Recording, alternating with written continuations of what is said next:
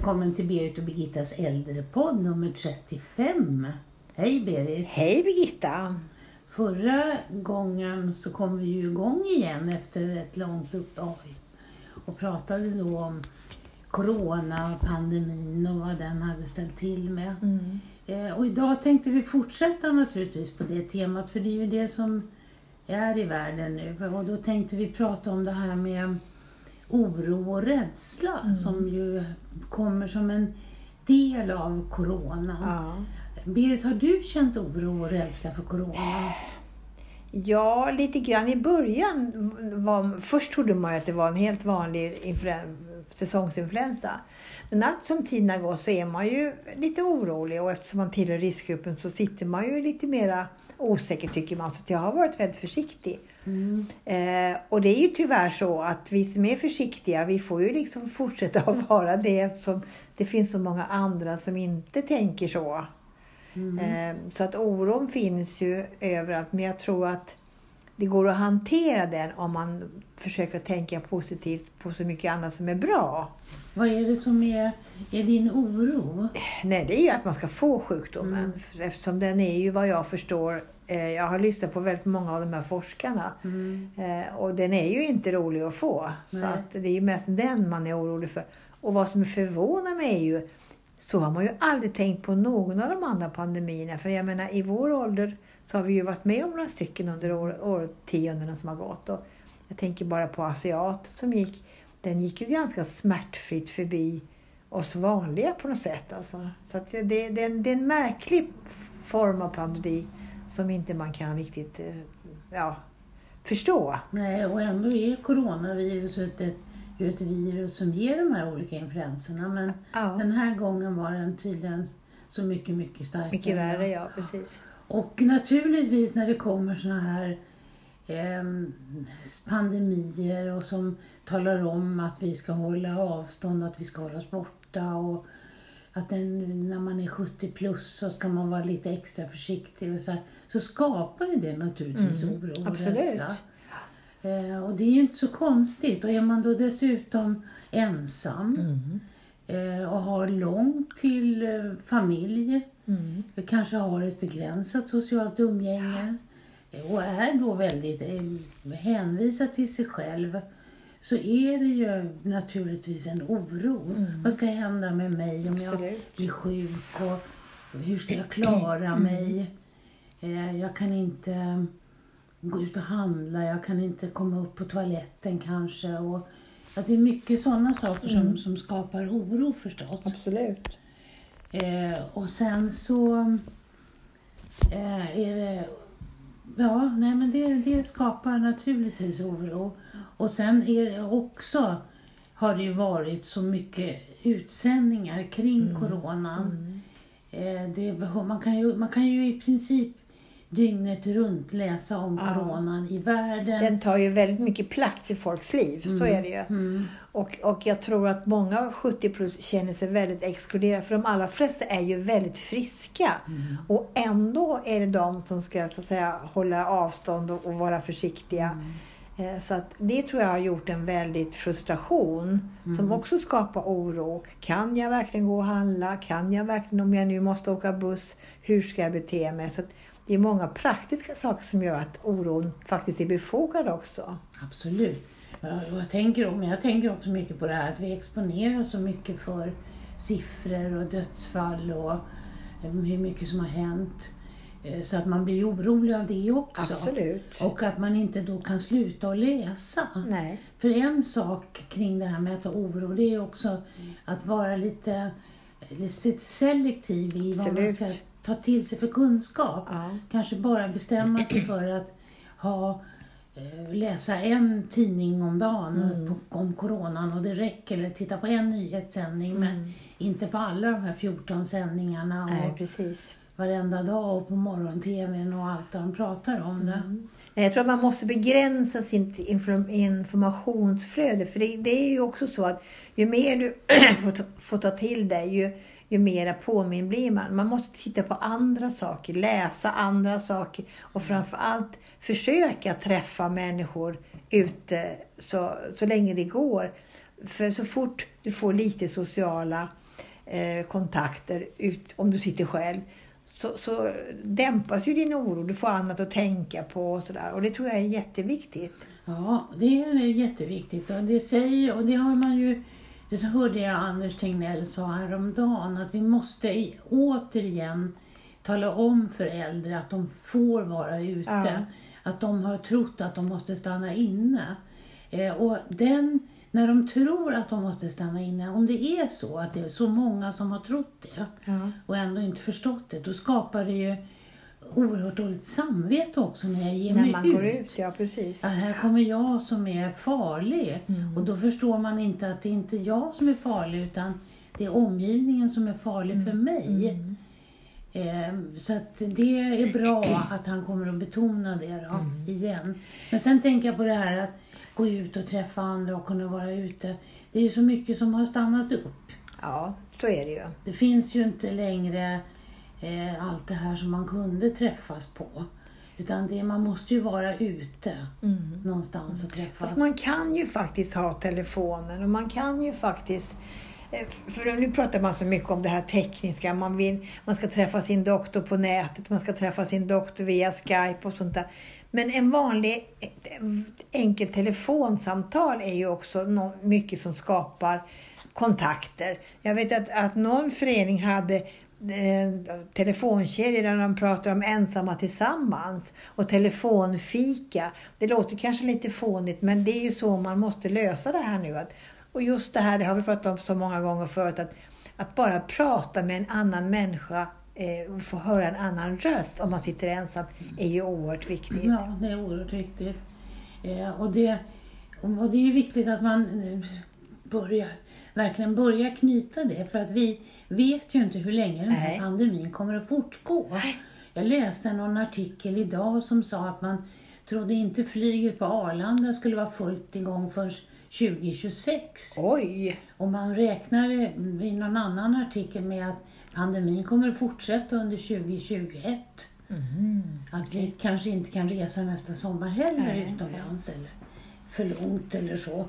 Så det är ju en, det är en lång procedur innan det här är över. Absolut. Och då, då är det klart att då skapar ju det väldigt mycket rädsla. ja. Men det finns en, om man nu är ensam, jag tänker det finns ju faktiskt människor som har ett väldigt begränsat Mm. socialt umgänge och inte har så många att ringa till. Mm. Mm. Det som är oerhört viktigt är ju att de man ringer till, att man talar, törs tala om att man är orolig och rädd. Mm. Att man inte låtsas att allt är bra, utan faktiskt säger jag är orolig, jag är rädd, jag känner mig ensam. Mm. Och det är, ingen, det är ingen svaghet att göra det, utan Absolut snarare inte. styrka. Absolut. För då kan ju människor förstå, oj, jag kanske måste ringa till Birgitta lite oftare. Mm. Ta kontakt med henne, för hon verkar inte må bra. Nej. Och där tror jag att organisationerna har mycket att göra.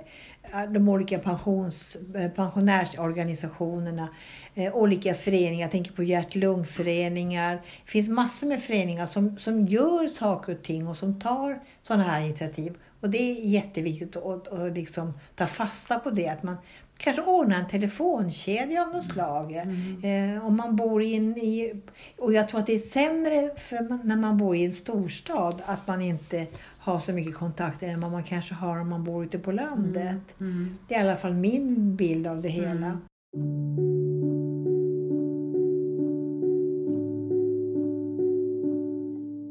Du sa så här att man inte kanske kommer att kunna resa så mycket i sommar, nästa sommar heller. Men det har väl aldrig varit så mycket interna eller vad ska jag säga, hem, hemestrar och, och resor inom landet. Nej. Och vi har upptäckt Sverige och det, man behöver ju inte resa så långt. Problemet är ju att man inte kanske kan använda allmänna färdmedel. Har man då ingen bil Mm. så är det ju svårt att ta sig någonstans. Men man kanske kan göra utflykter med, med vänner på avstånd. Man kanske kan gå ut och gå i alla fall och försöka upptäcka närområdet. Det Mm. finns ju väldigt mycket att upptäcka Ja, i ens närmiljö. absolut, det finns det. Och nu går vi ju mot, mot mörkare tider så Mm. att nu är det extra viktigt att man tänker på att det här att man ringer till de man vet är, inte har så stort eh, socialt nätverk. Mm. Eh, Och det är också viktigt för att minska oro och ångest att man har rutiner. Mm. Eh, att man håller samma rutiner varje dag. Att man går upp på morgonen som man brukar göra. Att man går och lägger sig som man brukar göra. Eh, och att man klär sig så att man känner att man är ändå med. Att man inte går i morgonrock och pyjamas hela dagen. Nej, Utan just att jag klär faktiskt på mig.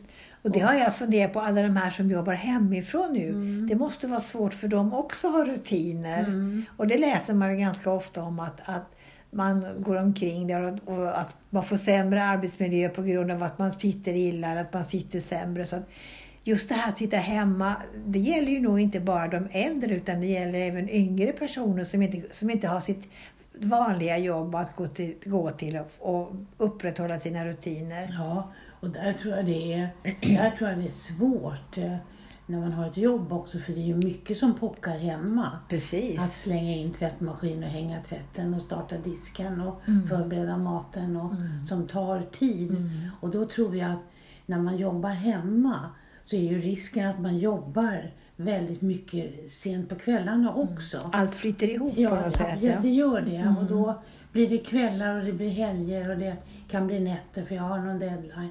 Mm. Därför att jag har städat och jag har Mm. gjort andra saker under tiden. Mm. Jag tror att det är svårt. Absolut. Men om man tänker tillbaka på äldre då.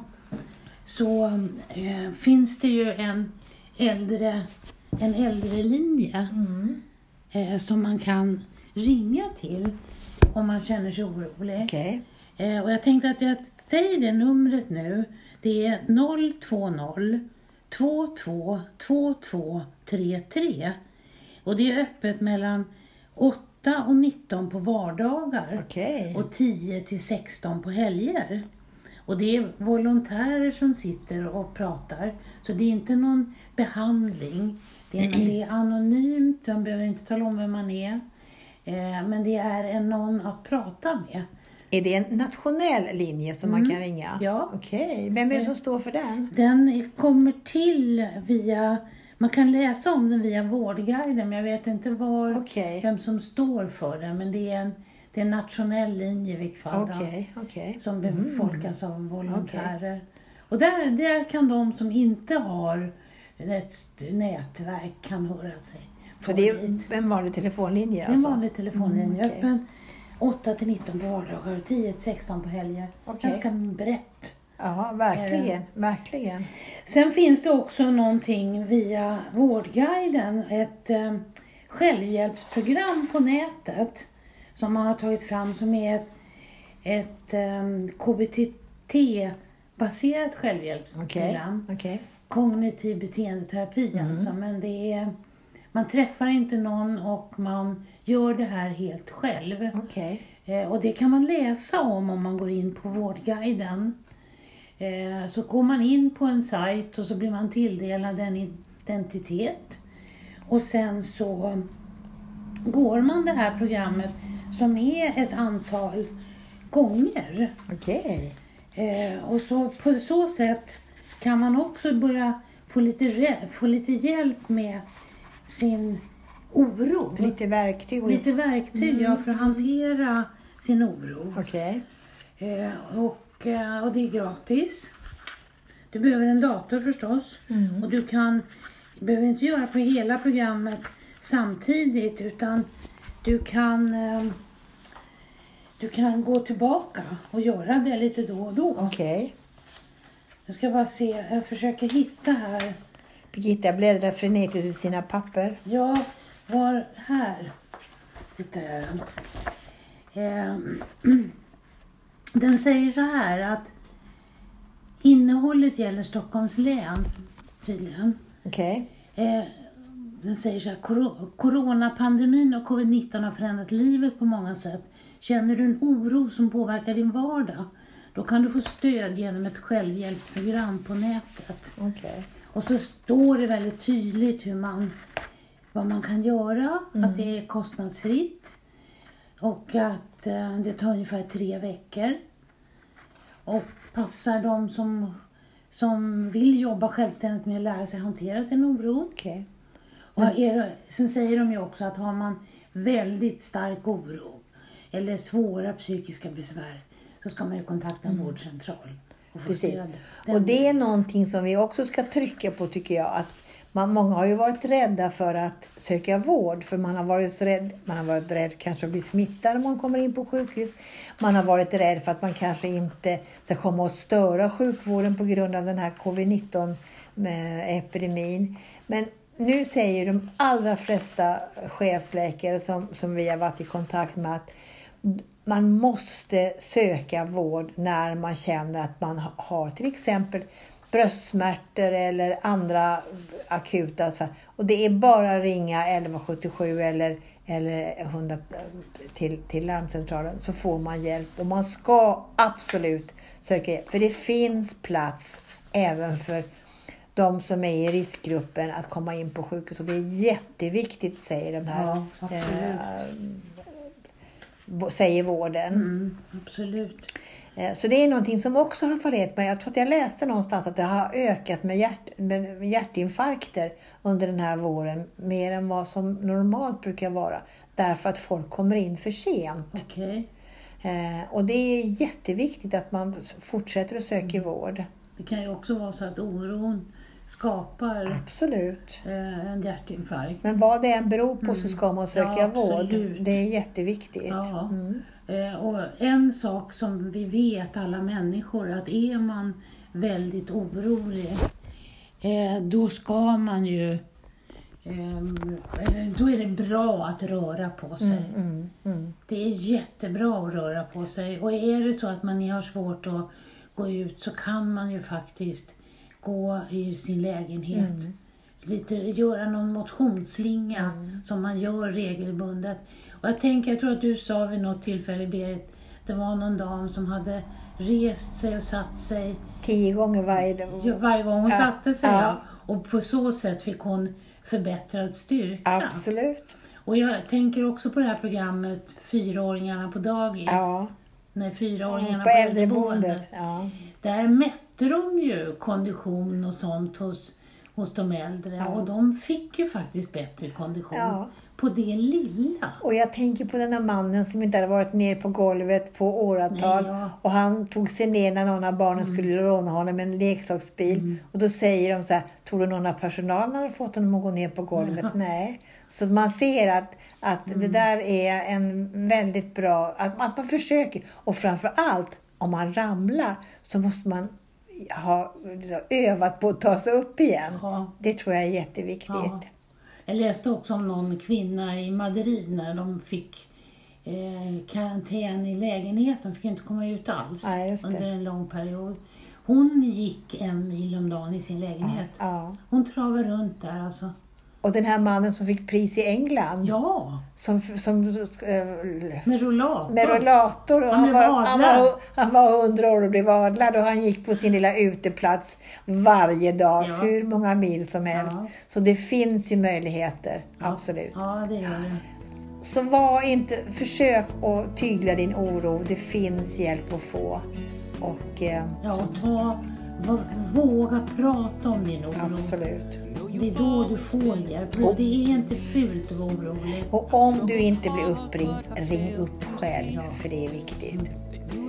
Ja, nu får vi väl sluta för där för idag Birgitta. Så får vi se vad vi hittar på nästa gång. Ja, Tack för idag. för idag Berit.